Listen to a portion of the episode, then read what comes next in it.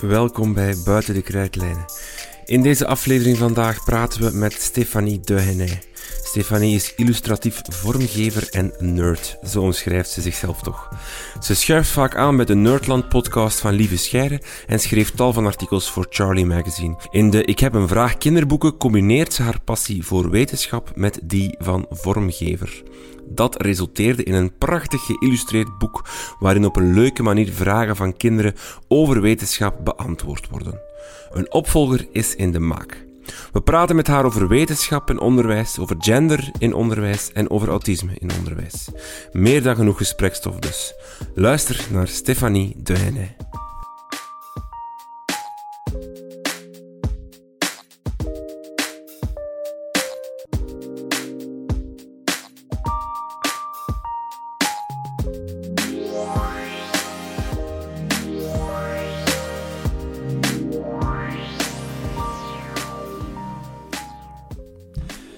Stefanie Dehenay, welkom. Dank u. Ehm, misschien eerst even over jouw eigen schoolervaringen. Ik weet niet of dat een, een periode is waar je graag naar, naar terugkijkt. Of uh, hoe, als je jouw schoolloopbaan, uh, als je naar terugkijkt, is dat positief of is dat iets gemengd, negatief, positief? Redelijk positief uh, vanaf de hogeschool, zeg maar. Oké, okay, vanaf 18 jaar? Ja. Mijn middelbaar, ja, ik heb gewoon uh, ASO gedaan, mhm. terwijl ik eigenlijk al heel vroeg wou overstappen naar uh, kunstonderwijs, naar KSO. Okay. Maar um, ja, toen heerste nog een beetje het watervalsysteem en ik had goede punten, dus ah, ja. uh, dat werd afgeraden. Allee, dat, dat, mocht niet, eigenlijk, dat mocht niet. Maar je wist dus eigenlijk wel ehm, vrij snel wat je wou gaan studeren, ja. of wat je wou in het leven. Toen nog wel, daarna ja. is het helemaal, ik zal niet zeggen scheef gegaan, maar is het alle richtingen uitgegaan. Um, ik, ben, uh, ik heb het uh, middelbaar onderwijs afgerond toen ik uh, net 17 was, want ik had al een jaartje gesprongen. Ik was eigenlijk niet matuur genoeg om, om goed te weten wat ik wou. Ik, ik heb heel lang... Um, ik heb, in het middelbaar wou ik al illustrator worden, dat weet ik. allee, ik wou beeldende vormgeving gaan doen. Um, maar toen, dan, ja, toen ik dan die keuze moest maken voor de hogeschool, dacht ik, ja, er zijn zoveel toffe dingen. Plus, ik zat nog altijd ook wel een beetje ja, geïndoctrineerd door dat watervalsysteem van je moet iets moeilijk kiezen, want je kunt dat aan. dus iets waar je veel bij moet studeren, niet aan ja. tekeningsjes maken. Um, dus dan ben ik uh, begonnen aan uh, productontwikkeling. Daar ben ik heel snel gaan lopen. Uh, puur omdat ik mij liet afschrikken door, de, ja, door de theoretische vakken.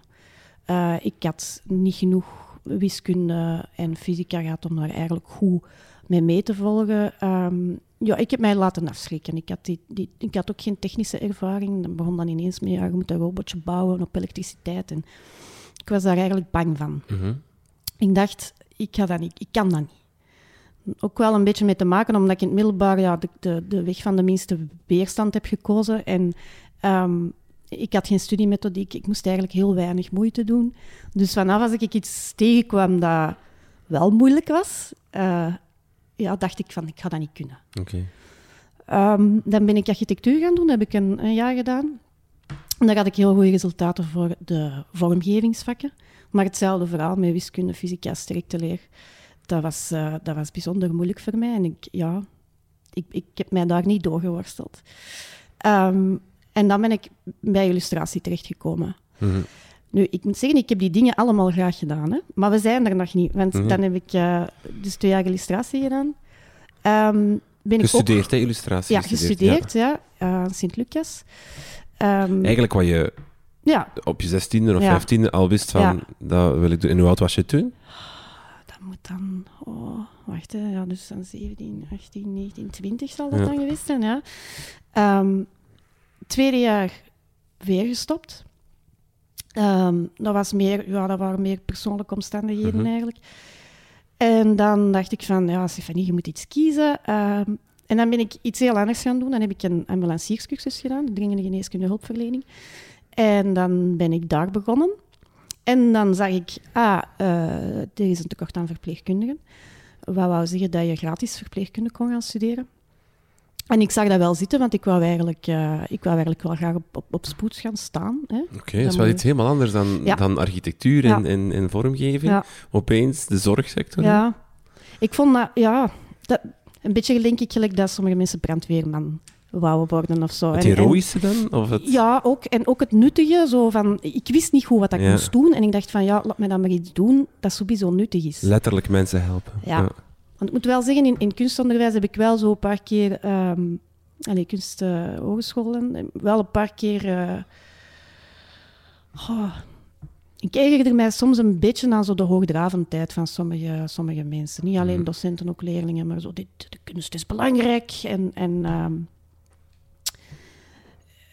ja, ik, ik, ik, ik, eh, dat- is wel zo natuurlijk, maar er, hangen geen levens vanaf. Mhm. Dus je moet, een beetje in perspectief Ja, blijven ja, ja, kijken. tuurlijk. Ehm, dus ja, inderdaad, ik ben dan iets heel anders gaan doen en dat, be- dat beviel mij. Ik vond dat heel tof. Eh,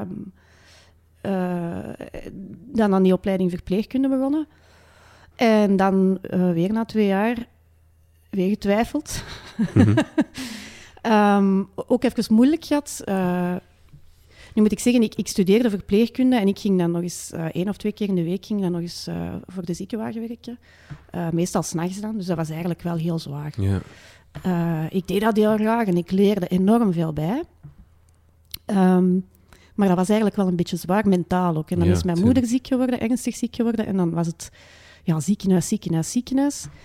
En ja, terug zo'n een crisismomentje gehad van wat, wat moet ik hier nu mee doen? Dan ben ik op vakantie getrokken met een paar vrienden en heb ik tegen mezelf gezegd, oké, twee weken, je komt terug en dan moet je beslissen, want je kunt deze niet blijven doen. En dan, eh, ja, de vraag die ik mij toen vooral stelde is, wat doe je het liefst en wat zie je zitten op lange termijn? En dat was dan voor mij illustratie. Mhm. Dan ben ik dat gaan afmaken in, eh, via middenjury, Oké. via examencommissie. En voilà. Ja. En dat was het, eh, dat was het parcours. En op eh, eh, dat, dat diploma, op welk eh, niveau zit dat dan? Is dat Ah, wel, dan- nu moet ik er nog bij vertellen ook. Dat, dat is een hogeschooldiploma. Hè. Dat Ja. is een, nu noemen ze dat een bachelor, denk ik, want Ja. dat was drie jaar. Ehm, ik ben zwanger geworden in mijn laatste jaar. Ik was toen al 26. En ik heb twee vakken niet afgelegd. Dus ik heb officieel zelfs dat diploma niet gehaald. Oké. dus eigenlijk is, is je hoogste officieel diploma zo. ASO. En ja, die badge van die dringende geneeskundige hulpverlening, maar die is ondertussen verlopen. Dus eigenlijk, eh, want als je je verhaal volgt, een aantal keuzes die je, die je niet lagen, zal ik maar zeggen, maar dan eigenlijk een aantal keer dat je door omstandigheden buiten de schoolcontext in, dat het eigenlijk dat niet gelukt is om, om, om het af te Ja. maken. Ja, vraag me nu niet om dat te analyseren, want Nee. dat zijn allemaal dingen die samenkomen op een Ja. bepaald moment. En ik werkte ook al wel, allee, ik werkte ook al wel veel. Hè. Ik heb daartussen ook soms allee, een paar maanden in een horeca gewerkt, dus dat was, ja, dat was zo'n eclectisch... hm. Er, er, veel, er kwam heel veel samen. En ehm, ja, ik was toen ook nog niet gediagnosticeerd met ADHD, dus ja, Hm. ik kon dat zelf nog niet goed inschatten van die onrust en die, die wispelturigheid van waar komt dat? Ah, dat wil zeggen dat ik hier niet op mijn plaats zit. Terwijl dat, dat eigenlijk niet zo was. Mhm. Maar ik heb daar geen spijt van, omdat ik, ja, ik heb ontzettend veel geleerd. eh, heel veel verschillende dingen geleerd. En als illustrator is dat een, een heel groot voordeel. En zeker nu als, als wetenschapsillustrator. Ik heb best wel wat medische kennis. Mhm. Ehm, hoe meer dat je weet, hoe meer dat je kunt tekenen. En vind je dan, want je hebt, je hebt geen diploma, maar tegelijkertijd heb je een heel rijke kennis. en, Mhm. en je hebt nu een, een, eh, je, je maakt mooie boeken, je, je bent- zit in Nerdland, al die dingen. Ja. Ehm, heb je dan het gevoel dat er in onze maatschappij nu toch wat overdreven aandacht is aan dat, dat, dat papiertje, dat diploma? Hmm. Ik moet zeggen, als illustrator is dat totaal onbelangrijk, dat papiertje. Hè? Oké. Er is niemand die een illustrator aanneemt en vraagt, mag ik uw diploma eens zien? Ze vragen, mag ik uw portfolio zien? Je Hmm. wordt geselecteerd op basis van uw portfolio. Die opleiding is wel belangrijk. Ik, ik denk niet dat je... Ik denk dat er zullen allicht mensen zijn die, die compleet ehm, self-learning zijn en die absoluut geen, geen, eh, geen opleiding, geen kunstopleiding hebben gedaan. Maar dan moet je toch al heel straf bezig zijn. Ehm, Is het dan pure ehm, vaardigheden dat je daar dan leert op zo'n kunstopleiding? Hoe, hoe dat je iets, iets maakt? En, of is dat dan ook ehm, je, eh, ja, cognitief dat je daar dingen... Hoe, hoe je van, van een opdracht naar inspiratie naar eh, iets op papier krijgen? Ja, daar zit inderdaad van alles bij. Je hebt het pure, de, de, de technieken. Hè. En, Hmm. en dat begint bij de basis, waarnemingstekenen, modeltekenen. Dat is kei belangrijk. Hmm. Eh, en dan andere technieken gaan leren. Hè. Je wordt eigenlijk verplicht om eens een keer met alles te werken. Eh, met alle soorten materialen, met alle soorten verschillende soorten verf en, en, en wat weet ik nog allemaal. Ehm, dan heb je ook ontwerpmethodiek. Ehm, inderdaad, ja, wat, is een, wat is een concept? Eh, hoe, hoe kom je bij een concept? De, de basis, basis, compositie, kleurenleer, licht, ehm, vorm, semantiek. Eh, en dan heb je ook nog eh, wel wat theoretische vakken, kunstgeschiedenis, die dingen. Ehm, filosofie hadden we ook. En dan ehm, een aantal keuzevakken, eh, fotografie bijvoorbeeld, of, of digitale beeldvorming. Dat stond toen nog een beetje in zijn kinderschoenen, maar... ehm, en ik heb ook nog het vak starten als zelfstandige eh, Ah ja, gekregen. Ja. Dus dat was wel, dat was zeker in die bachelor, want ik denk dat dat in de masters minder is, maar in die bachelor was dat heel praktisch gericht. Hm. En wij, wij moesten ook stage doen, Mhm. wat ook heel belangrijk is, vind ik. eh, Ja. in, in, in alle beroepen. Denk, ja, ik denk dat je op stage nog het meeste Ja, leert. jawel, ja, want eh, dat, dat is een beetje... Wat ik, wat ik merk met, met illustratief vormgever of ontwerper, is dat je dat het toch vooral doen is. Of dat je het vooral leert door het, door het heel vaak te doen. Of door eh, gewoon al je vaardigheden vaak herhalen. Ja. Ehm, je bent eh, eerst on the side zo'n beetje met, met je... als zelfstandig vormgever begonnen en daarna toch de sprong gewaagd. Hoe, hoe spannend was het of hoe onzeker is dat? Ik ben altijd zelfstandig geweest. Ik ben Ja. direct voor het hoofdberoep gegaan. Ehm, nu, dat was ook wel omdat ik toen de kans kreeg eh, van een eh, maandelijkse opdracht over te nemen van een vriend van mij, die dat er niet meer bij kon krijgen. Ehm, nu, dat was layout, vooral layout. Daar was eigenlijk, ja, daar was eigenlijk geen illustratie bij. Maar dan ja, wel heel snel leren layouten, hè, magazines layouten. En dan ben ik zo bij Sanoma Media terechtgekomen. Hm. Aangenomen als eh, layouter. Met als extra bonus dat ik ook illustraties kon maken. En daar mocht ik dan ook illustreren. Hm. Dat is natuurlijk handig als je een layouter hebt op de, op de redactie die Ja. dan ook eh, die illustratie kan maken. En je hebt ook ooit eens, als ik goed geïnformeerd ben, eh, in een volledig Franstalige klas Ja. les gekregen. Ja. Dat was eh, toen ik een jaar of acht, negen was. Ehm, zijn wij eh, even verhuisd naar eh, Gabon. Oké. Eh, daar heb ik een jaar... Ik heb daar een jaar gezeten, ja. In een Franstalige school. Ik spreek geen woord Frans. Ik, eh, oui, monsieur, non, madame. Dat was het een beetje. Ja. En natuurlijk sprak daar ook niemand Nederlands. eh, ook bijna geen Engels. Dus ik ben daar echt gewoon gedropt. En in het begin wist ik van niks. Maar ik denk dat ik op drie maanden Frans leren, heb geleerd. En ja, dan ging het vlotjes. Ja. Omdat ik, eh, ik weet dat omdat je je gemengd hebt in de taalbaddiscussie die Ja. een paar eh, Ja.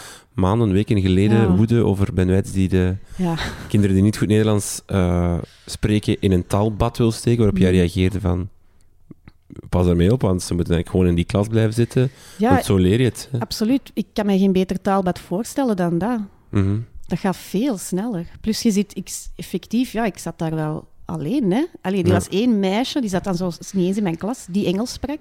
En die af en toe zoiets kon vertalen. Ik herinner mij mijn leerkracht die zo met een woordenboekje Frans-Engels eh, probeerde. Maar dat, dat, dat werkte langs geen kanten. Maar op die leeftijd leert je zo snel een taal.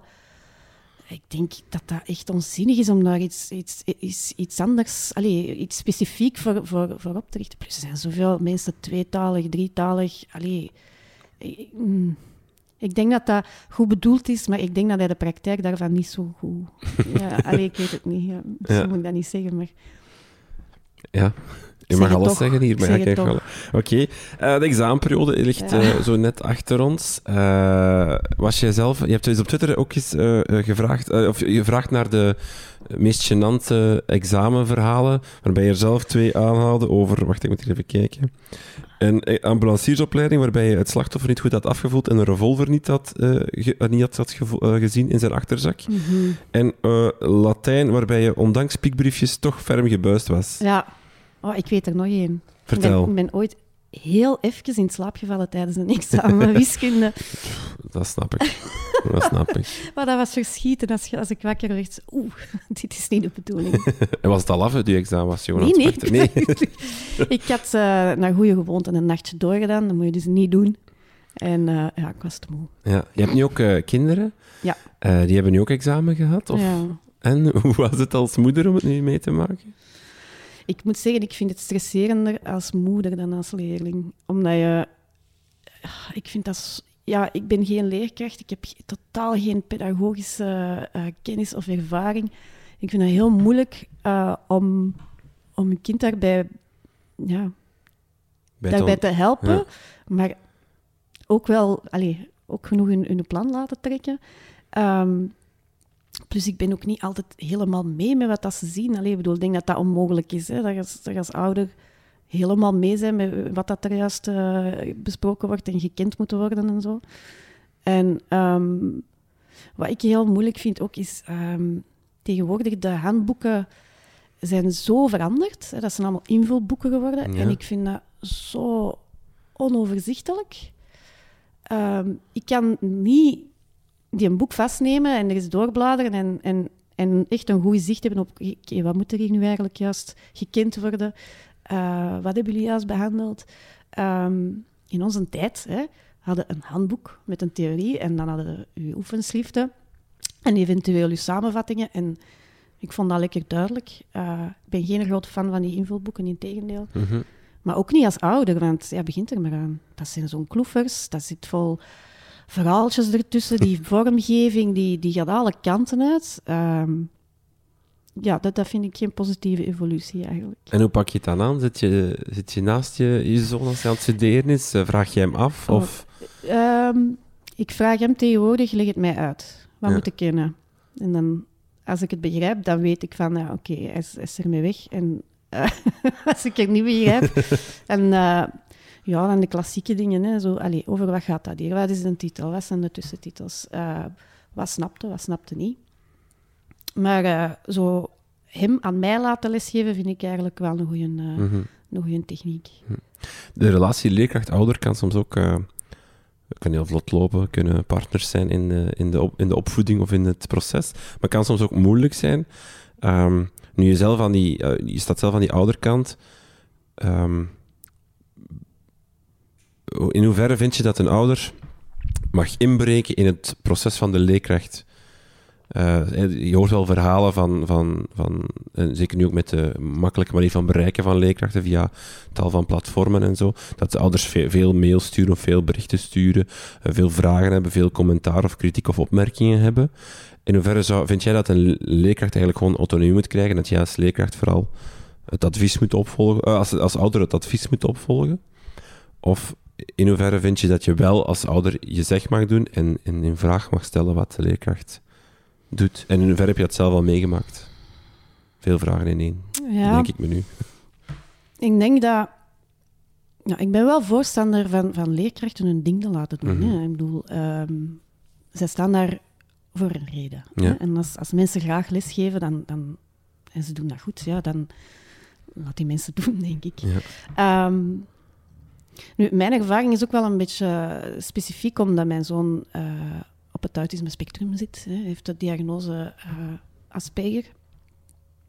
Dus dat is een kind die zorg nodig heeft, die omkadering nodig heeft. En daarin um, vind ik het wel uiterst belangrijk dat er een heel goede communicatie is tussen leerkracht en ouder. Um, ouders kennen hun kind het best. En als het gaat over specifieke dingen zoals autisme of ADHD of, of andere uh, beperkingen, um, dan denk ik dat je het beste, het, beste resultaat bereikt als, uh, als iedereen elkaar, uh, als ze elkaar vertrouwen. Hè? Dat is één ding. Um, dat je ook naar elkaar luistert. Um, maar dat leerkracht ook kan openstaan voor, uh, ja, voor input van, van, van de ouders. Als in bijvoorbeeld, ja, dit werkt hier langs geen kant. Of we merken dat dit echt niet gaat. Kunnen we dat op een andere manier doen. Mhm. En dan vind ik het wel belangrijk dat de leerkracht daar wel voor open staat. En niet zegt van, ja, maar dat is mijn methode en ik, ik, ga, het zo, ik ga het zo blijven doen, want ik heb het altijd zo gedaan. Mhm. En lukt dat altijd? Staat een leerkracht daar altijd voor open? Of? Ja, ondertussen zit hij in het middelbaar, dus er zijn heel veel leerkrachten. Ja. En gelukkig eh, heeft hij een, eh, wat we vroeger een GON-leerkracht zouden noemen. Dat is nu een ondersteuningsnetwerk, een ondersteuningswerker, die eh, heel veel ervaring heeft en die ook heel belangrijk een goede band heeft, eh goede vertrouwensband heeft met de leerkrachten. Mhm.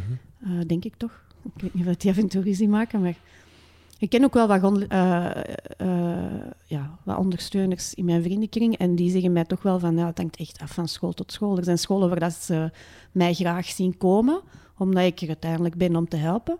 Maar er zijn ook scholen waar ze, ja, waar ze niet zo openstaan voor mijn input als ondersteuner. Mhm. En zeg je dan, die scholen zijn fout, die niet openstaan voor de ondersteuner? Of begrijp je dat er grenzen getrokken worden door scholen? Ja, niet openstaan is sowieso fout, hè? Mhm. Ik bedoel, ehm, als er al op voorhand eh, wordt gezucht en gesteund van ik moet hier iets doen wat ik nog nooit heb gedaan of zo, Mhm. dat, is, dat vind ik fout.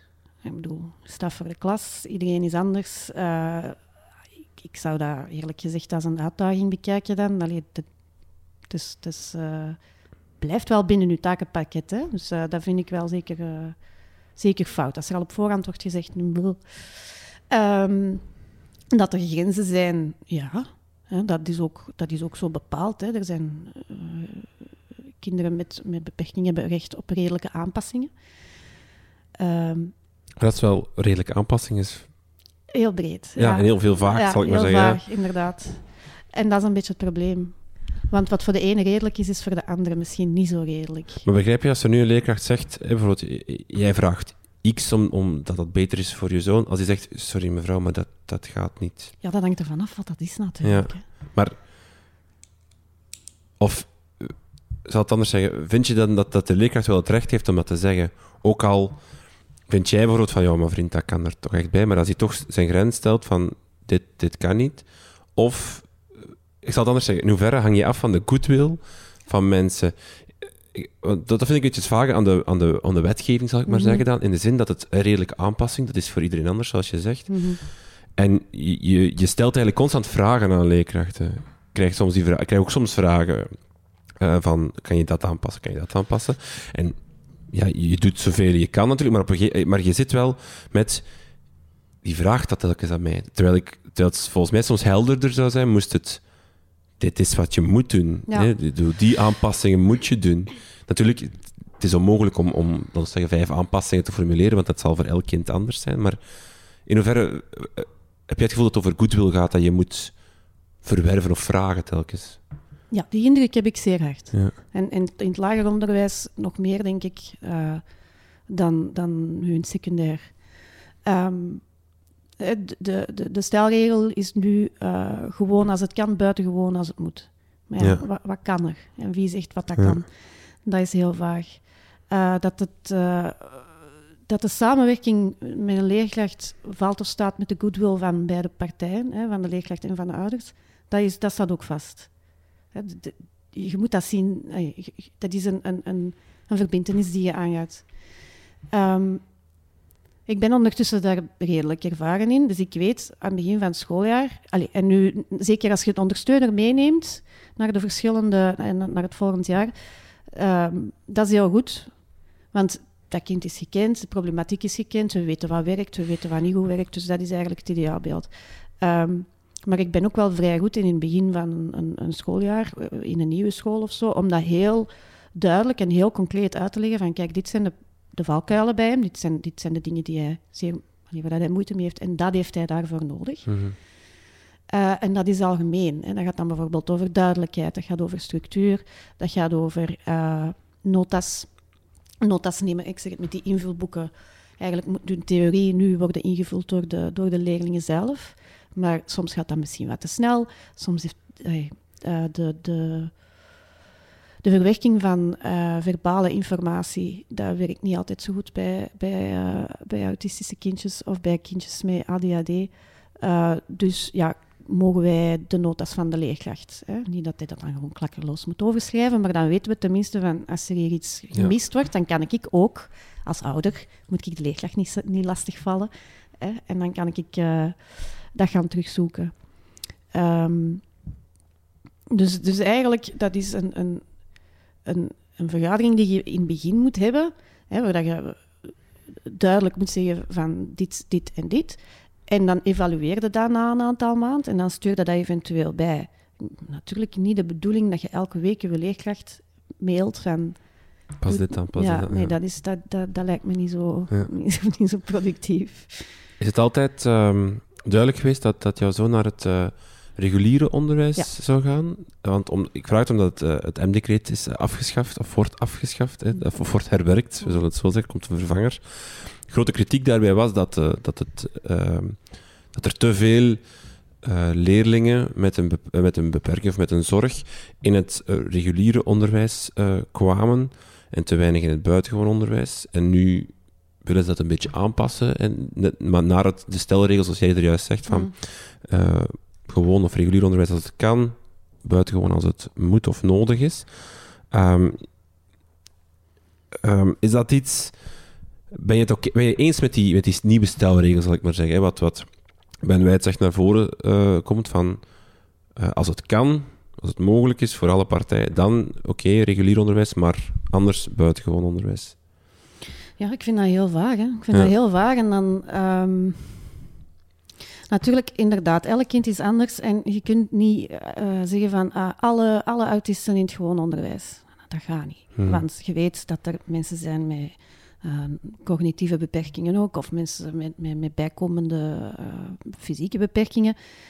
Elk kind moet bekeken worden. Maar ik vind wel dat je moet uitgaan van inclusief onderwijs. Want wat we zien hier is we hebben een heel lange, allez, we hebben een traditie in gesegregeerd onderwijs ja. en in gesegregeerd arbeid. Eh, dus als, wij, als wij naar een inclusieve maatschappij willen evolueren, wat we absoluut niet zijn, dan moet dat beginnen in het onderwijs. Want, want nu doen we, heb ik het gevoel, we kiezen niet, hè? Ja, of we doen een stapje terug zelfs. Hè. Ja. Eindelijk was daar een stap naartoe, misschien ja, Onder, ondergefundeerd en, en allee, uh, allee, te weinig geld en, en misschien wat te vlug en allemaal wat, maar het was wel een stap naar inclusie. Het was, het was daar een grote... En nu doen we zo Allee, heb ik het gevoel, met, met, mhm. want er is nog heel weinig bekend over de, de opvolger van dat uh, M-decreet, uh, dat, dat het wel de bedoeling is om zo wat, wat, stapjes terug te doen. Ja, dat vind ik een kwalijke evolutie. Ja. Want uh, als ik even ik, een, een, wat is zo waardevol aan inclusie? Kan je dat even vatten voor, voor, voor mensen die, of voor leerkrachten die nu luisteren, die toch afvragen, die toch vragen stellen bij die inclusie, die vooral dan denken aan oh, nog meer zorgen in mijn klas, ja. uh, dat negatieve uh, duivelsbeeld dat soms in hun opkomt. ja, er wordt wel wat verhaal verteld. Hè? Want ja. ik wou eigenlijk ook al vragen van, ja, te veel kinderen met uh, beperkingen in het gewone onderwijs, ik zou daar wel graag cijfers van zien. Hoor. Mm. Ja. Want allee, zo, het is niet dat er een soort tsunami ja, ja, van rolstoelgebruikers de scholen zijn ingerold en we komen het hier overnemen. ik bedoel, dat gaat dan misschien over één kind in een klas. En, ja, oké, okay, bon. Um, wat is de waarde van inclusie? Zoals ik al zei, als je een inclusieve maatschappij wilt waarin dat mensen uh, zoveel mogelijk participeren en zoveel mogelijk participatiekansen krijgen, uh, dan moet je beginnen in het onderwijs. Uh, als je een inclusieve klas hebt uh, waar dat er heel veel diversiteit is, leren kinderen omgaan met die diversiteit. Um, ze, ook, ook, zelfs als, als, een, als een kind met een fysieke beperking in een klas komt die extra ondersteuning nodig heeft, um, kan de klas daar ook, kunnen andere leerlingen daar ook in helpen. Mm -hmm. Een vriendin van mij die is kleuteronderwijster, wat zeg ik? Kleuteronderwijzer. Of kleuterleidster. Of kleuterleidster. um, die heeft een kindje in haar klas gehad met meervoudige beperkingen. Kindje in een rolstoel, uh, fysiek, uh, motorisch bijzonder beperkt. En die had wel uh, ondersteuning in de vorm van een stagiair. Um, maar wat die deed, is gewoon heel de klas betrekken. Er is een kindje van de klas, oké, die gaat dan de bokens uh, van dat kindje uh, uit de brooddoos nemen of zo. Hè. Uh, en die zei dat werkt perfect. de kinderen leren daar ook van. dus niet alleen de, de, kinderen met een beperking die leren van de, de, andere kinderen, ja. hè, maar, maar, omgekeerd ook. Ja. Um, om weg te gaan van dat gesegregeerde, denk ik dat dat gewoon nodig is. Ehm, je geeft ook de kansen aan mensen met een beperking om te leren van kinderen zonder beperking. Ik denk dan bijvoorbeeld inderdaad aan, aan kindjes met autisme. Die leren ook sociale vaardigheden van andere mensen. Hè? Mhm. Dus die, die, die, die, dat, zijn, dat zijn kleine chameleons. Hè? Dus dat is eigenlijk... Ja, dat is natuurlijk positief. Natuurlijk uh, uh, is, is, dat iets, uh, is dat iets positiefs. Um, plus, kinderen die um, opgroeien met, met een divers wereldbeeld, hè, dus die in inclusieve klas en een heel diverse klas hebben gezeten en die gaan verder studeren, die die hebben, ja, die hebben een ander wereldbeeld, dus die gaan ook anders uh, werken. Hè. Uh, mensen die ingenieurs worden, bijvoorbeeld, ja, die gaan misschien al eens een keer nadenken over al die mogelijke dingen die zij kunnen ontwerpen voor mensen met een beperking. Um, de architecten. Hè. Hoeveel, hoe, weinig, hoe weinig gebouwen zijn er uh, echt toegankelijk? Ja. Heel weinig. Hoe komt dat? Dat is niet omdat die mensen in een rolstoel of mensen met een andere fysieke beperking willen pesten. Dat is omdat die daar niet aan denken. Ja, en hoe komt dat? Ja. Omdat ze die niet zien. uh, onlangs had uh, William Boeva ja, een verhaal... ja, hè, dat, hij, dat hij zei van... Uh, ja, iemand... dus voor lange afstanden gebruikt hij zijn, zijn rolstoel. Hij loopt met een vriend over straat, die duwt die rolstoel en die vriend die zegt... Amai, nooit gemerkt dat die straatstenen er zo scheef bij liggen. Ah, nee, natuurlijk niet, want jij wandelt daar gewoon over ja, dus het, het, het, gewoon al het, het, gewoon zijn hè, van, van, van diversiteit. Dat, dat gaat een, de mindset veranderen van, uh, van, uh, van kinderen en van volwassenen. Je hebt landen waarin, uh, Finland bijvoorbeeld, waarin eigenlijk geen segregatie is, buitengewoon onderwijs en regulier onderwijs, dat die... soms is er wel een aparte klas, bij wijze van spreken, maar zit wel allemaal op dezelfde campus. Het is vaak één school waar dan ja. verschillende mogelijkheden in Ja. zijn. Is dat voor jou een soort van Want dat lijkt me prima. ideaal ja. model? Of, of, want ja, ook gewoon, ik, ik zit ook altijd een beetje te, te zoeken naar de juiste verwoording, want ik wil niet gewoon en buitengewoon onderwijs zeggen, omdat ik dat een heel bizarre Eh, onderverdeling vind. Het, het, buitengewoon heeft ook wel wat een... eh, ja, ik weet niet, er zit een, een negatieve bijklank, of, of het is het, buitengewoon, het is niet ongewoon, maar het is wel buitengewoon. Um, je hoort daar soms ook heel horrorverhalen ho- over. Ehm, als je dan terug naar de M-decreet gaat, dat wordt nu afgeschaft. Eh, Ik weet niet of dat voor jou moest, of, of dat er, moesten daar aanpassingen aan gebeuren, en zo ja, welke? Ha, ik denk dat de, de aanpassingen die moeten gebeuren, sowieso in het onderwijs, is ehm, meer middelen, kleinere klassen. Ja.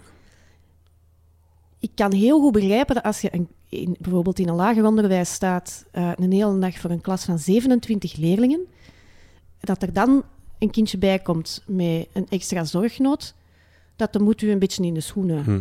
eh, valt. Maar hoe komt dat? Dat komt niet door dat kindje met die beperking. Hè. Dat komt omdat jij in een klas staat Met met 27 kinderen. Dat is veel te veel. Want Finland, goed voorbeeld, die klassen zijn daar belangen zo groot niet. Hè? Hm. Dus er is veel meer mogelijk, maar ja, je moet erin investeren.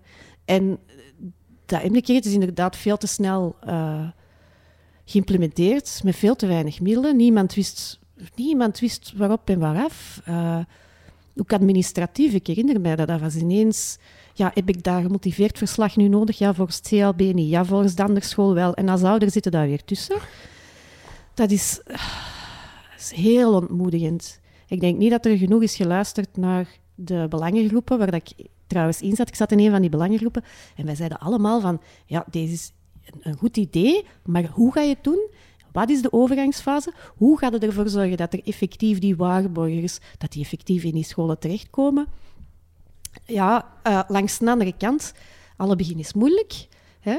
Maar om nu te zeggen van na een jaar of na twee jaar, van ja, hier zitten wat fouten in, we gooien het weg. Ja, dat vind ik heel dom. Je moet dat bekijken als een prototype. Hè? Mhm. Dat je probeert, oké, wat werkt er, wat werkt er niet? En zo de, makers, de makersmentaliteit, die zou eigenlijk...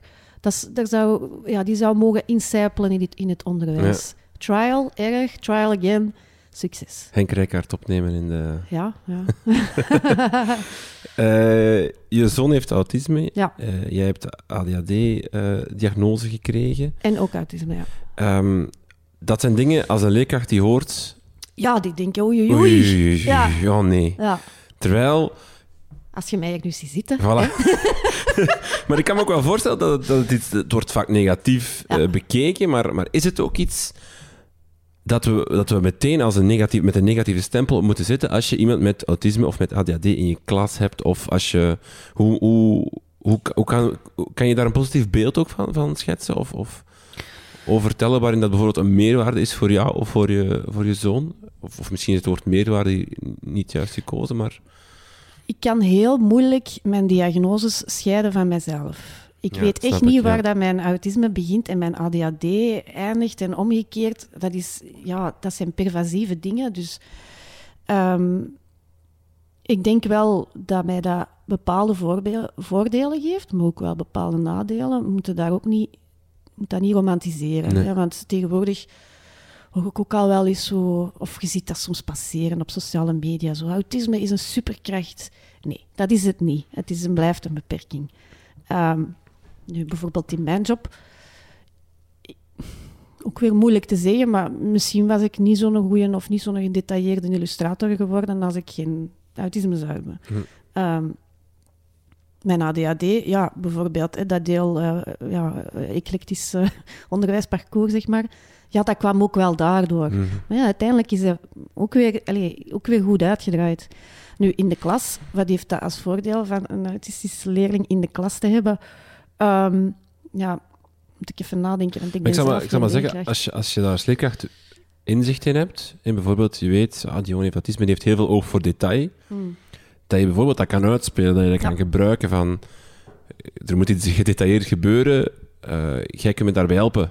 Of, of ik, ik- het is hier even on the spot dat ik dingen verzin, maar Ik denk dat sowieso inclusieve maatregelen, dat zie je eh, overal, vind ik, dat die niet alleen ten goede komen van de, de leerling of de persoon met een beperking, maar voor iedereen. Bijvoorbeeld duidelijkheid, overzicht, eh, visuele hulpmiddelen.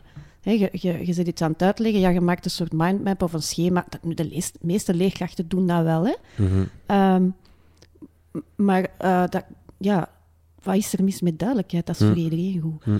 Ehm, je gaat meestal zien dat als je een, een maatregel neemt voor iemand met een bepaalde beperking, dat die voor iemand met een totaal ander probleem ook enorm nuttig is. Ik kan je een voorbeeld geven. Dat is nu wel geen, geen, geen schoolsvoorbeeld, maar ehm, er is een, een, eh, er is een eh, student informatica, dat is een, ook een jongen met Asperger, die had een app gemaakt eh, voor wanneer dat hij een meltdown zou krijgen. Dus een meltdown is eigenlijk gewoon ehm, een soort ja, overload in je hersen, een soort kortsluiting, ehm, waardoor dat je even niet kunt functioneren. Dat kan gepaard gaan met ehm, een huilbui of met een soort poederaanval. Of eh, mensen kunnen dan vaak ook niet verbaal communiceren. Ehm, en die had een app gecreëerd waarin dat eigenlijk gewoon eh, stond... Allee, dat was eigenlijk gewoon een device waarmee dat, dat hij... eh, Een soort interface die hij kon laten zien aan andere mensen, waarin dat gewoon stond van ik heb nu een meltdown, Ja. ik kan nu even niet verbaal communiceren, maar we kunnen wel eh, chatten bijvoorbeeld. Ah, ja. Dat kan wel via een toetsenbord. Eh, wat blijkt, dat die app ook wordt gebruikt door mensen met een, ehm, een stoma, een keelstoma. Dus die, eh, ja, die moet regelmatig gereinigd worden, geaspireerd worden. En soms is er wat te veel speeksel of is er wat te veel... eh, ja, lukt dat even niet. En dat is nogal... ehm, ja, als je niet weet wat er gebeurt, dan denkt je dat die persoon aan het stikken is. Dus, die, dus, die, dus die mensen die konden dat ook gebruiken aan mijn kleine wijziging. Van ja, kijk, ik heb even een probleem met mijn stoma. Je moet geen ziekenwagen bellen, dat is hier in orde. Ehm, niet verschieten.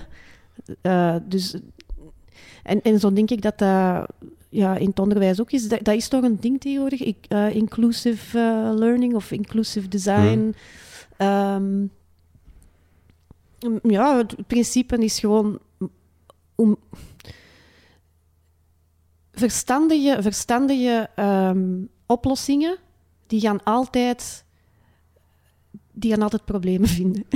altijd, Ja. het, is, het, is, het is meestal toepasbaar voor, voor, voor veel dingen. Ja, want eh, in een artikel, wel uit 2011, dus misschien al cijfers een beetje achterhaald.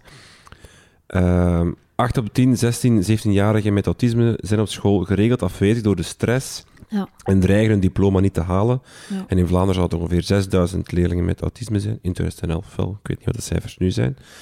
Eh, maar het, het interessante van het, art- van het artikel tot op het einde, door een aantal aanpassingen zouden al heel veel stress kunnen weggehaald worden bij Ja. autisme.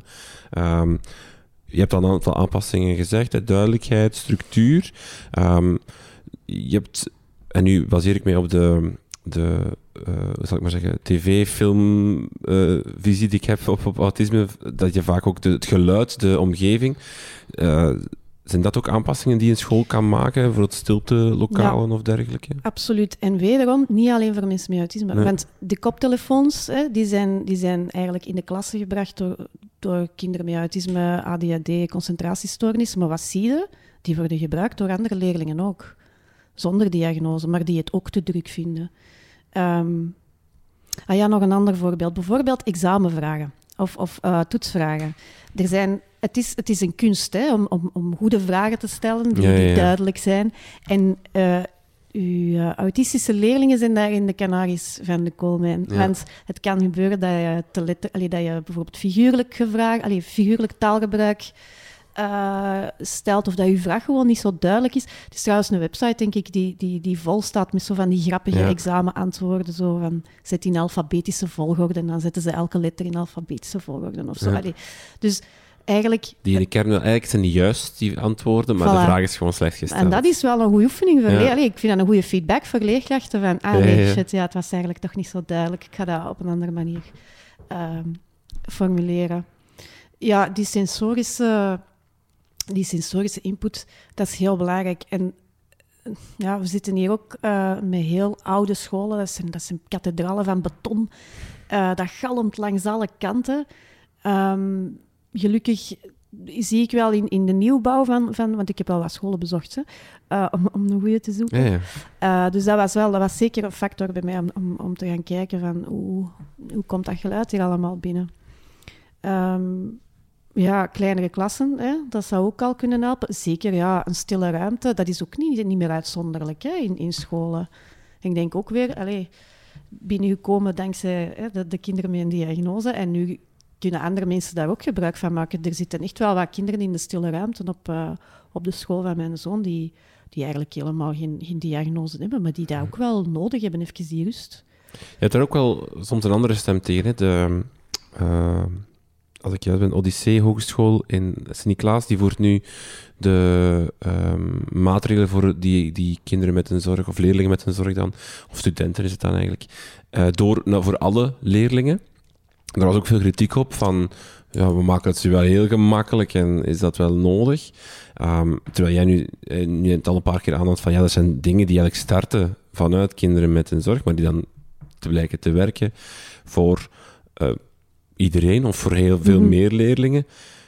Is er zoiets als een, als een risico van we gaan naar een te zorgende, te brave, te om, oh ja, ik, ik weet niet wat het juiste woord is, eh, schoolmaatschappij, of een maatschappij dan misschien in het algemeen, die, die onze kinderen te hard wil eh, beschermen tegen, tegen lawaai, tegen Oh, zo zie stress, ik, tegen... ik zie die redelijke aanpassingen zeker niet als bepampering. Hm, ja. Allee, het is... Als een kind in een rolstoel zit, heeft het weinig zin om te zeggen, ja, je zult toch die een trap op moeten. Ja. Dat gaat niet. Dat gaat niet.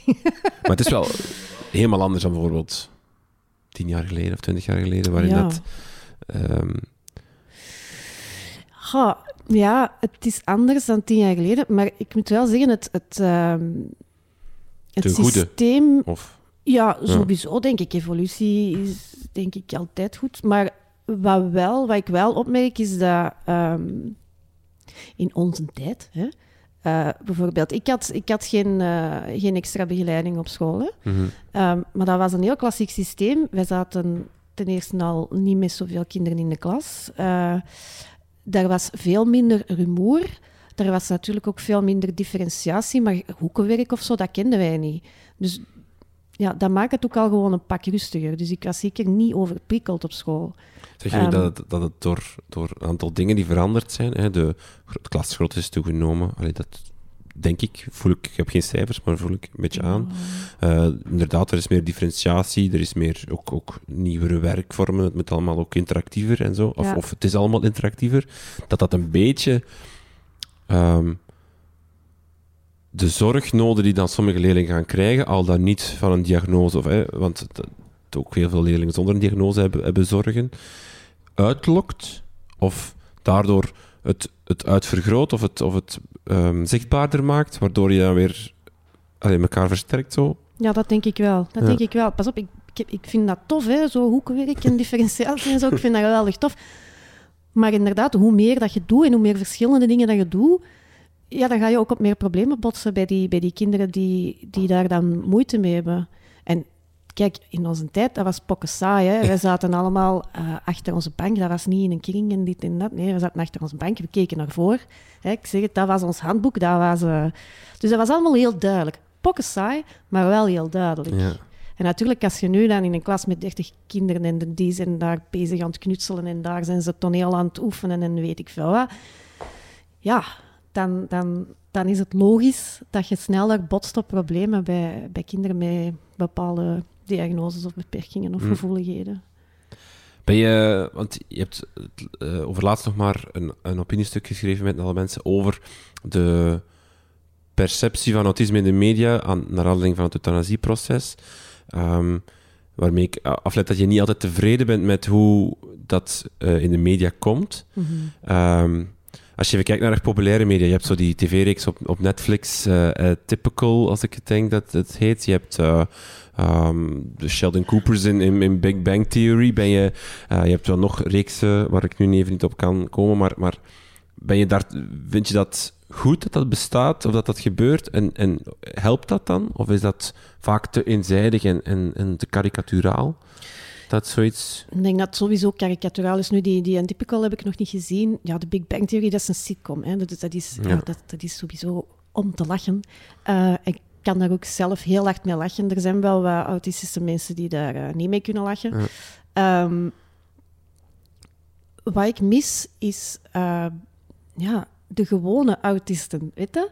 Het, als er autistische mensen um, in, een, in een film komen of in een serie komen, dan gaat het altijd over dat autisme. Heel vaak gaat het dan over het autisme overwinnen. Hè. Ofwel zijn het uh, super, uh, super getalenteerde politie-inspecteurs uh, die onaangenaam zijn in de omgang. Ofwel zijn het wiskundige genieën. Hm.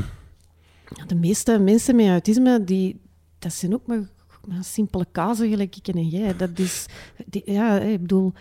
Waarom kan er eens niet in thuis bijvoorbeeld, of weet ik veel, of in een, in een andere serie, gewoon iemand met autisme inzitten zonder dat dat over dat autisme gaat? Ja, oké, okay, is nu toevallig autistisch. Hetzelfde voor mensen met beperkingen. Ik ken geen enkele film waarin uh, iemand met een fysieke, zichtbare beperking speelt zonder dat dat over die beperking gaat. Mm. Waarom is niet een chef-kok in een rolstoel? Ja. Bijvoorbeeld. En zonder dat dat daarover gaat. Ja. Dat zou vooruitgang zijn. Dat is, dat is realistische beeldvorming. Want nu is het toch wel ja, Ocharme de sukkelaars en, en hè, de, de, de schrijnende verhalen van, van fallende gezondheidszorg en, en, en, en, geestelijke gezondheidszorg. Ofwel zijn het de superstars en is het wat dat we inspiratieporno noemen. Hm. En ja, de, de, gewone, de gewone, simpele mensen met toevallig autisme, uh, die zie je niet. Ik zit zo in zo'n Facebookgroep. Um, ik denk dat er een, duizendtal mensen of duizendvijfhonderdtal mensen in die groep zitten. Ik heb zoiets gewoon gevraagd voor de lol van wat doen jullie eigenlijk voor... Allee, werken jullie en wat doen jullie voor job? Nou, er zaten apothekers tussen, een pianostimmer, iemand die in de plantentuin van Meissen de, de planten taxonomeert. Iemand, een leerkracht, um, iemand die op ministerie werkt van weet ik veel wat. Er zat een communicatiedeskundige tussen. Kijk eens aan. Ja, um, ja dat, dat, dat zien mensen niet, hè? Nee. En maar misschien is ik denk dat ook wel... wel dat, dat als, als ik nu met jou praat en, Mm. en, en je zegt dat niet, dat ik het ook niet zou... Nee.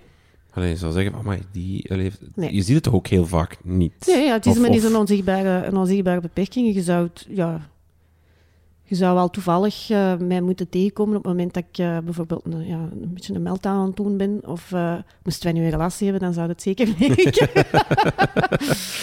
Ehm, ik ben natuurlijk ook een, een, een meisje, ik ben een vrouw. Dus wij zijn zeer goed in het camoufleren en ehm, eh, ja, compenseren en camoufleren. Dat eist wel een tol. Want dat is bijzonder vermoeiend. Ehm, maar ja, ik heb wel een, een, een, een deftig eh, verbaal IQ. Dus dat, dat helpt ook al wel. Hmm. En ik heb voor de rest geen comorbiditeiten, behalve dan die ADHD. Maar ik zeg het, dat, er, heeft wel, er is wel wat overlap. Dus op zich, ik ben niet zo beperkt. Ja. Oké. Wetenschap? Ja, De sprong even, ja, de sprong maken. Ehm, op jouw website staat er, I'm a nerd and proud of it. ja. Ehm, ben je altijd een nerd geweest? Geen typische nerd. Eh, hè, mensen die denken aan nerds, die denken aan zo de, de jongens die met een dikke bril in een kelder eh, Dungeons and Dragons aan het spelen zijn of zo. Ehm dat niet. Ik ben wel altijd vervelend nieuwsgierig geweest. Ja? Ehm, en eh, als, ik, als ik ergens iets interessants vind en ik, ik duik daarin, dan, dan, ja, dan, dan, wordt dat, dan kan dat wel op het obsessieve af eh, eh, uit de hand lopen. Was dat op school ook al zo? Dat je, dat je nerd was? Of dat je... nee, omdat ik... Oh nee, ik, ik zat heel veel te tekenen, ja. Ik, Hm. ik zat daar een beetje mijn broek te verslijten eigenlijk. Ehm, achteraf gezien een beetje jammer, maar ja. V- dat, je dat, dat je dat niet meer geleerd hebt? om- Omdat je daar Ja, niet meer heb, kans hebt gekregen om te Ja, leren? heb- Of omdat je die niet gegrepen hebt? ik heb die niet gegrepen. Ja. Dat was, ja, ik zat... Ik, ik, ik denk dat ik ja, vanaf het moment dat ik zei dat ik naar het kunstonderwijs zou en dat dat niet mocht, denk ik dat ik daar vier jaar eh, slecht gezind heb zitten tekenen. Nu pas op, ik had wel vrienden, dus dat was... eh, en we hadden wel wat grappige mensen in de klas, dus dat was wel oké. Ehm, je bent voornamelijk in, of, of nieuwsgierig naar wetenschap. Je zit in de Nerdland podcast. eh, ehm, je maakt eh, boeken of je illustreert boeken over wetenschap. Eh, hoe heb je je wetenschapsvakken of jaren ervaren op, op school? Oh. Heb je daar eh, goede woorden over? Of? Ik moet oppassen wat ik zeg. We zijn onlangs mijn eh, oud-leerkracht fysica nog tegengekomen. ja, die was nog wel grappig. Die deed veel experimentjes en proefjes. En die mislukten ook altijd. Dus dat was eigenlijk nog beter. Dus dat was ook gewoon een beetje een comedy show. Ehm, goh, als ik zie wat wij nu doen met Nerdland, eh, wat Lieve doet met zijn DNA-show, eh, wat Hitty doet met haar CRISPR-boek eh, en haar CRISPR-voorstellingen, dan denk ik, wow, gemiste kansen toch, hè? Ehm, Op welke manier dan? goh, dat, als ik het zo had gekregen, dan had ik, dan, ja, dan denk ik dat ik wel eh, beter mijn best had gedaan. En dat ik bijvoorbeeld wel wat extra wiskunde had, had opgenomen Hmm. of zo. Ja, wat doe je dan met, met zo gekregen? En met Nederland zitten jullie rond een tafel en brengen jullie ehm, eh, op een heel losse, vlotte manier, maar ook wel eh, heel moeilijke onderwerpen die dan Ja. heel helder of heel fijn worden uitgelegd en waarbij je ook de dynamiek krijgt van ik begrijp het niet, allee, of bijver, allee, dat is het, Ja. het hele fijne. Er zit ook veel humor in en... Ja. en, en, en is, is dat wat je... Ja, en, en, en ook gelinkt naar, naar, naar actualiteit en Ja. gelinkt naar dingen waar, dat, ja, waar dat mensen natuurlijk ja, zelf mee bezig zijn. Allee, eh, dingen uit, uit, uit uw eigen leefwereld. Ehm, Want Nerdland is wel heel ambitieus in de zin van, ja, jullie hebben het elke maand een uur over CRISPR. Dat, dat op zich een heel ingewikkelde, complexe, zotte DNA-werkmachine-ding is. Ehm, en jullie hebben daar toch elke week over de nieuwsontwikkelingen, over Ja. dat is er gebeurd. En dat wordt dan vaak inderdaad aan, aan ehm, actualiteit gekoppeld, waardoor het bevattelijk wordt. Ehm, is, ons, is dat, dat wetenschapsonderwijs nu misschien gewoon niet zo, zo te basic of te, te braaf zo'n beetje? En, en, en mag het ambitieuzer en zotter en, en wat meer van... Allee, niet fantasie, maar, maar dat de fantasie meer prikkelt? Allee, ik bedoel, als je, als je het hoort praten over CRISPR, dan begin je na te denken over wow, wat kan dat allemaal Ja. doen? En, en, Ja, ik denk... goh, wat goed werkt, is ten eerste enthousiasme. Hè? Dus de dingen die wij, die wij brengen op uh, de podcast, dat is vanuit ons eigen interesse.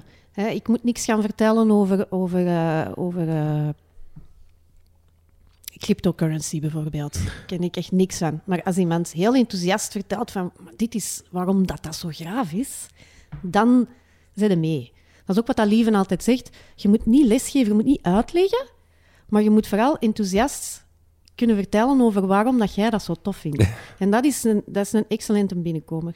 Het tweede is dat je, um, dat je een soort, ja, hoe zeg je dat, um, vakoverschrijdend, zeg maar, werkt. Hè? Dus als iets, biologie, chemie, ja. fysica, wiskunde, die hebben allemaal met elkaar te maken. En wat we nu doen in, in, in het onderwijs is, ja, we hebben een lesje, lesje wiskunde en dan hebben we een lesje fysica. Terwijl, ja, als je het hebt over, uh, over snelheid en versnelling, dan zou je eigenlijk wiskunde daarin moeten bijbetrekken en zeggen, en ah, nu gaan we het over afgeleiden hebben. Um, nog iets wat werkt is natuurlijk heel veel doen, hè, experimenteren en doen. Als je kijkt naar bijvoorbeeld uh, Sound of Science, waar, dat we, waar dat we ook uh, uh, hebben gestaan vorig jaar, ja. een wetenschapsfestival. Heel veel kinderen. En ja, wat dat ze daar allemaal doen, dat is ongelooflijk. Ze hebben daar bijvoorbeeld de principes van kwantummechanica uitgelegd dankzij een Minecraft-spel. En dat is geen saaie lezing, hè? dat is gewoon beginnen spelen. En ja. ineens zijn die regels anders. Oh, hoe komt dat? Ja, dat ah, blokje ineens, hè, dat verschijnt dan hier en dat verschijnt daar, dat verschijnt dan daar. Ja, kwantumsprong. Dus de, het kan inderdaad ambitieuzer en het kan toffer. Um, en die actualiteit erin betrekken is, is, uh, is bijzonder belangrijk. Ja. Als, er, als uh, Musk weer een raket heeft afgestoken en in is gewoon geland, of zelfs met twee simultaan geland, ja, wat zit daarachter? Dat vereist natuurlijk uh, dat je wat dynamischer werkt als leerkracht. Maar ik denk als je dan samen kunt werken met de wetenschapsleerkrachten samen, ja, dan moet het ook gewoon veel toffer zijn dan elk jaar uw cursus af te rammelen. Op zich zijn jullie eigenlijk een, een groot co-teach team, dat, uh, de oh. wetenschap. uh, want je zegt wel van, Lieven zegt van, je moet niet lesgeven. Maar is, is het ooit, ik weet niet of er ooit begingesprekken waren bij Nerdland, maar van, wat jullie eigenlijk willen doen, als ik het zelf even probeer te samenvatten, is wetenschap tot bij de mensen brengen. En dan moeilijke wetenschap, alleen niet uh, de ESMC kwadraat of zo, de, de, de, dingen die van buiten blokken, maar echt wetenschap nieuws, dat de mensen mee zijn met wat er aan de hand is. Dat is, dat is bijna iets educatief, toch, dat je als doel hebt. Goh, ons doel is vooral uh, ons amuseren, want wij doen dat heel graag. Eigenlijk is het principe van, van de Nerdland uh, maandoverzicht is eigenlijk een soort extra time, een soort nabespreking ja. van de voetbal, maar dan deze keer voor wetenschap. En wat dat je ziet, is dat je heel, inderdaad, heel complexe dingen... Je moet dat niet schuwen. Mensen, nee, mensen, nee. gaan dat wel begrijpen als je, als je het als je het redelijk goed brengt. En inderdaad, als er dan iemand het niet begrijpt, ja, dan, dan zeg je dat gewoon. Maar wij hebben onlangs een live podcast gedaan. daar zaten kinderen in de zaal. Hè. Hm. We, hebben echt, dus, we hebben echt kinderen die luisteren. Wat ik, ik verschoot daar zelf van. Um, en je moet ook niet elke keer elk detail begrijpen om te weten waarover dat gaat. Dat is natuurlijk in, in, in het onderwijs anders. Maar toch, dat inzicht verwerven van wat is hier het principe, dat lijkt mij bijzonder belangrijk. En dat mis ik ook wel, denk ik, in, in, uh, in, in, het onderwijs, wetenschapsonderwijs dat we het nu doen. Is zo, dat zijn de regels, leer het van buiten.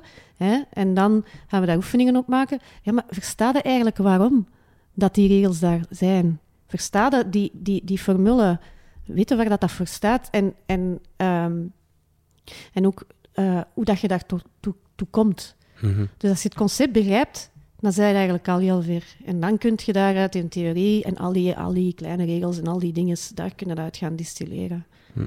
Op zich zou, zou je in, in je klas een, een soort van Nerdland moeten organiseren, dat je je leerlingen in groepjes zet en, en hen laat praten over, over een thema in de wetenschap en niet per se oefeningen laat maken, maar als je het, dus als je er juist zei over, als je aan je zoon vraagt of hij het kent, als ze het aan elkaar kunnen uitleggen, dan ja. hebben ze het principe wel. Ja, en doen, hè, veel dingen doen. Ja. Allee, wetenschap zit overal.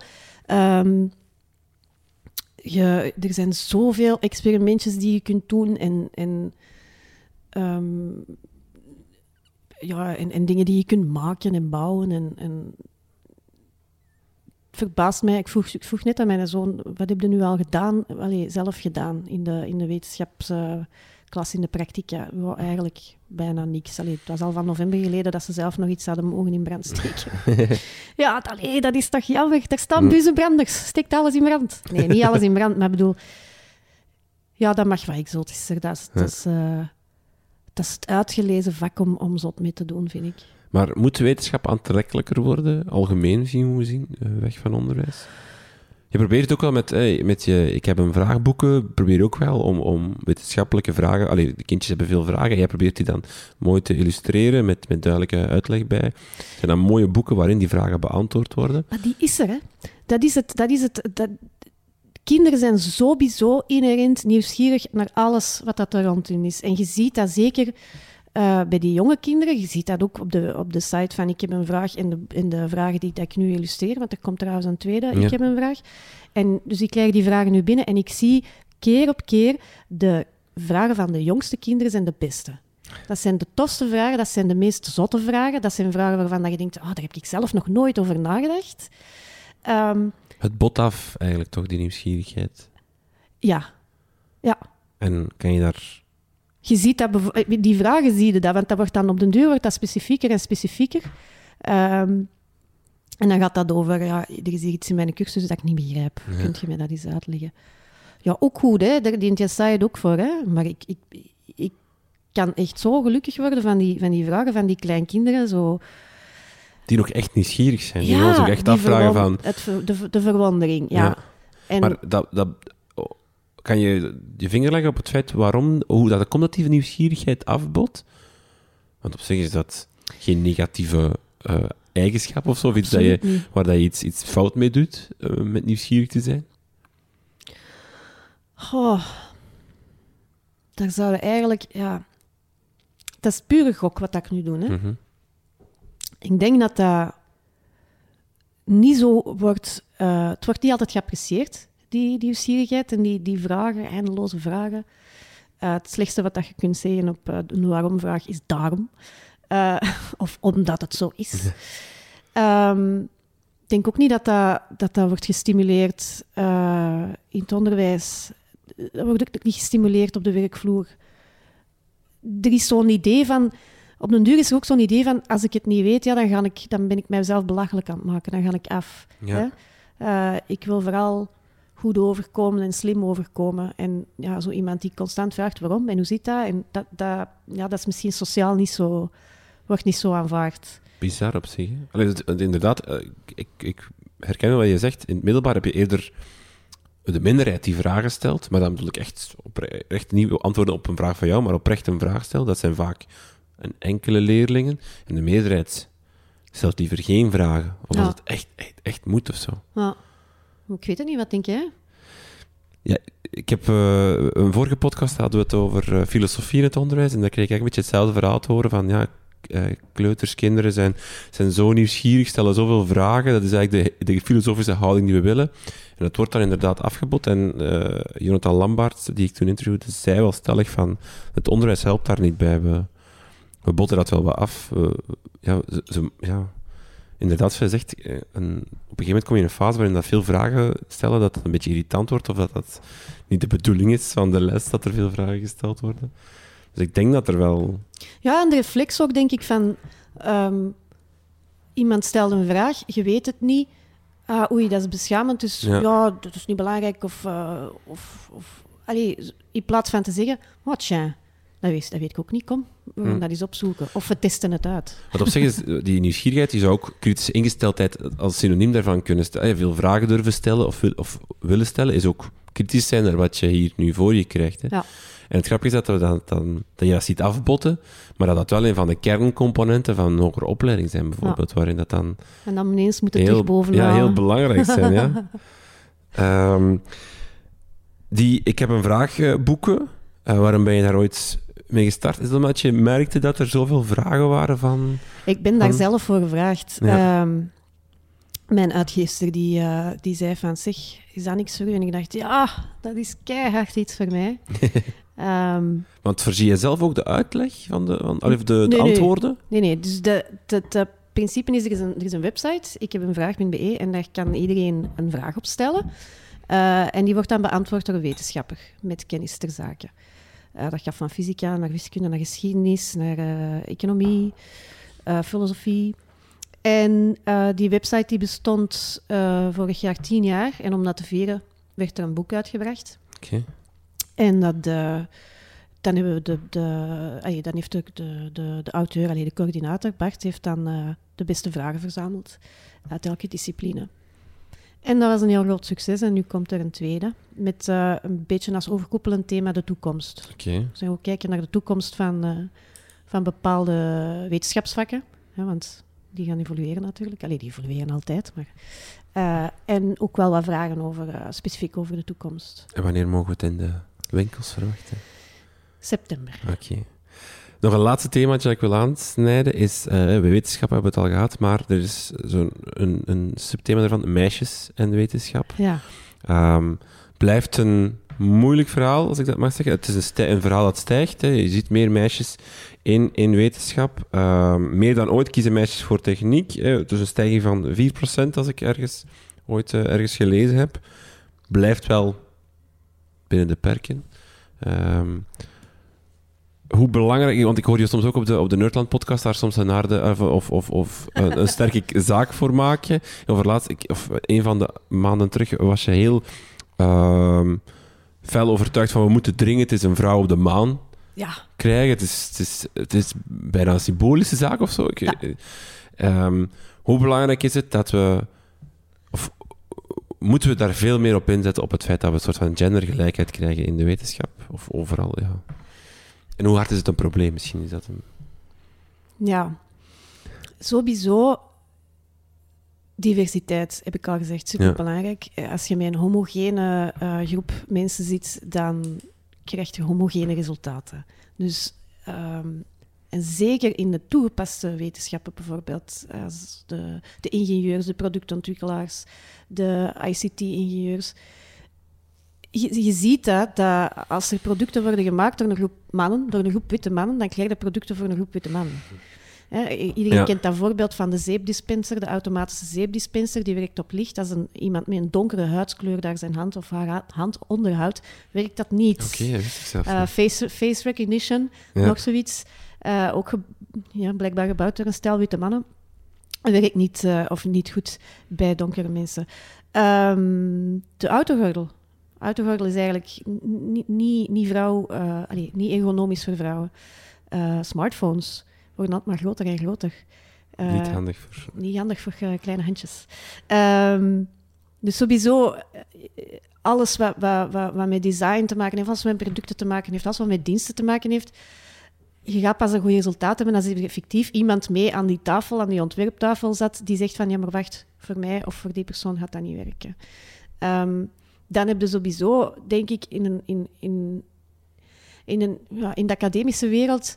Um, en in, ja, in de academische wereld spreken ze van een, een, leaky pipeline. En er is geen glazen plafond, maar er is een leaky pipeline. Dus. Uh, als in je. Als in het. Er zit wel in, maar het lekt eruit. Of? Ja, ja, inderdaad. Dus als in dat er wel uh, vrouwen kiezen voor een academische carrière, maar dan uh, starten aan een gezin, zwanger worden, ja. uh, daaruit moeten. Hè? Dus het, je kunt niet werken als je, als je aan beval bent. en omdat dat zo'n competitieve omgeving is en iedereen wil eerst zijn, iedereen wil eerst publiceren, ja, lekken die daaruit. Ze zeggen, we gaan die minder door stromen naar uh, professor, hoofdonderzoeker, die dingen. Hetzelfde zie je een beetje bij, je ziet heel veel meisjes beginnen aan een stemrichting, ja. maar geraken dan niet in ofwel een, een vervolgopleiding of in een wetenschappelijk beroep terecht. Er, er, er inderdaad, er lekt, ja. er, er vallen meisjes af. Kan je... Ja, hoe komt dat? Uh, is het ik, ook... heb, ik, heb onlangs, ik heb onlangs een aantal vrouwelijke uh, ingenieurs en topmanagers geïnterviewd bij Atlas Copco. En uh, ik moet zeggen, van de, de, de vrouwen met een heel technisch beroep, hè, de ingenieurs, die, ja, die zeiden van dat is altijd zo geweest. Ik was als enigste meisje in de wetenschap wiskunde, ik was enigste in de, in de burgerlijke. Uh, die hebben zich daar niet door laten afschrikken. Maar ik veronderstel dat er wel een aantal vrouwen zijn, allee, dat er toch wel vrouwen zijn die dat wel zeer onaangenaam vinden en Mhm. daar niet zien zitten van de rest van hun leven tussen alleen maar venten te gaan zitten. Ehm, natuurlijk, ja, je krijgt dan ook het soort cultuur. Hè. Ja, als je als enigste vrouw eh, tussen een aantal mannen zit, ten opzichte van een, een, een, een goed uitgebalanceerd evenwicht, ik denk wel dat dat een verschil maakt in, in, in cultuur en in, in alleen werkcultuur, zeg maar. Is het ook de beeldvorming die nog steeds Ja. meespeelt van bepaalde beroepen? Eh, ingenieur Ja. is inderdaad, als je, als je zegt van denk aan een ingenieur, Ja. denk aan een man. Of als je, eh, eh, ja, een wetenschapper ook nog, denk ik. Ja. als je kijkt naar wetenschappers die op tv komen, het zullen nog altijd ook voornamelijk eh, mannen in een witte jas zijn. Ja. Witte mannen die in, een- in een witte jas die, je- die je ziet.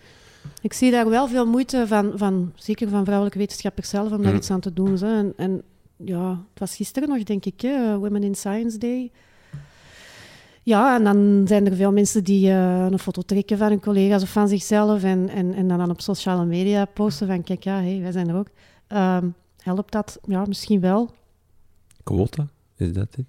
Ik ben daar eigenlijk, ik ben daar wel een voorstander van eigenlijk. Gewoon van laat het vooruit gaan. Ja. Eh, zeker in managementfuncties. Ja. Ehm, dat, vind ik, dat vind ik eigenlijk nog belangrijker dan, dan om te zeggen van het moet 50-50 eh, biologen of zo zijn. Ehm, Het zijn vaak de managers die dan kiezen wie dat er in de uitvoerende jobs eh, moet Ja. gaan zitten. Dus als dat... Ja, ook gewoon, ook gewoon ehm, om, omdat je als manager organiseert, eh, organis- organiseert je bedrijf en hoe dat er wordt gewerkt en, en, en hoeveel en hoe vaak en waar. En, en om, eh, oh, we zijn daar nu wel in, in, in, in van mij, daar zijn we nu wel in aan het evolueren, maar eigenlijk onze, onze, manier van werken, hoe dat wij arbeid organiseren, dat, was, dat, was, dat is heel mannelijk. Hè? Dat is, en vroeger was het oké, de man ging werken en de vrouw bleef thuis, maar nu zitten we met twee verdieners en ja, die uren die dan niet met school overeenkomen hè, en, en inderdaad die flexibiliteit van, ja, ik, ik, ben, ik, ben een half jaar, eh, ik heb een half jaar ouderschapsverlof, dat gaat niet overal. Dus als we dat willen veranderen, dan moeten we dat ook gewoon direct implementeren en dan moeten we dat toepassen. En dan, dan denk ik, dan is dat aan managers en, en CEO's om, Ja. om dat op een andere manier aan te pakken. En er zijn ook wel mensen mee bezig, denk ja, ik. ja. Ik las ergens dat, eh, dat de oplossing zou zijn om, om eigenlijk gewoon mannen meer ouderschaps- of Ja, ja, zwangerschapsverlof Ja, te geven. Dat dat eigenlijk al sowieso gelijkheid heeft. In Scandinavische landen ja, vaak ja, het en geval. het hè. voordeel daarvan is ehm, eh, dus dat eh, de werkgever op voorhand niet weet, eh, als die iemand aanneemt, of dat de vrouw gaat dat ouderschapsverlof opnemen of de man. Ja. Want ze krijgen best wel wat, hè? Negen maanden of zo, of zes Ja, maanden of negen maanden. En, ehm, dus daar kan al geen dis- allee, d- daar kun je al dan moeilijker op discrimineren. Hè? Ehm, en een ander voordeel, want dat is trouwens de, de, de VP van Atlas Copco die dat, die dat zei, die eh, eh, in Zweden werkt, die zei van ja, eh, mensen, veel, veel eh, werkgevers hebben daar schrik voor, voor die, die lange, die lange ouderschapsperiodes. maar zij vindt dat zeer gezond, omdat ze zegt, ik heb, ik heb nu ook heel veel eh, flex- flexibiliteit binnen het bedrijf, dat ik bijvoorbeeld iemand van een andere dienst naar die dienst kan zetten, dat er ook meer temp- tempjobs eh, binnenkomen en dat is gezond voor een bedrijf. Mhm. Omdat er veel wissel, allee, of veel ja. Ja. verloop is niet, want ze komen allemaal terug. Maar Ja. doordat Maar- er veel variatie is. Variatie, flexibiliteit, eh, diversiteit. eh, de- op zich zijn dat, zeker in een, in, een, in een technisch bedrijf, dat constant moet innoveren. Hè, die innovatie die komt uit die diversiteit, die komt uit die kruisbestuiving. Dat er eens iemand nieuw binnenkomt en zegt van, ja, maar waarom lossen we dat zo niet op? Ja. Ehm, dus als je echt wilt innoveren, denk ik, dan is het superbelangrijk dat je een, een, heel, divers, een heel divers bedrijf hebt, waar redelijk wat flexibiliteit is in, in, in, eh, ja, in verloop van, van, van uw werknemers. Oké. Zijn er nog eh, plannen met, met Nerdland, met, met eh, jouw vormgeving die we binnenkort aan het werk kunnen zien? Een nieuwe, ik heb een vraagboek, kunnen we binnenkort... eh, Daar ben ik nog wel even mee bezig. Dat zijn eh, 160 pagina's die moeten gevorm, worden vormgegeven en geïllustreerd. En ik moet het ook natuurlijk allemaal begrijpen. ja. Hè, dus er komt best wel wat studiewerk bij ook, dus daar ben ik nog wel even mee bezig. En dan heb ik nog wel een idee voor een, voor een boek. Eh, eventueel binnen Nerdland, maar daar ga ik nu nog niks over zeggen. Oké, is goed. Stefanie Degenij, heel veel dank voor dit gesprek. Graag gedaan.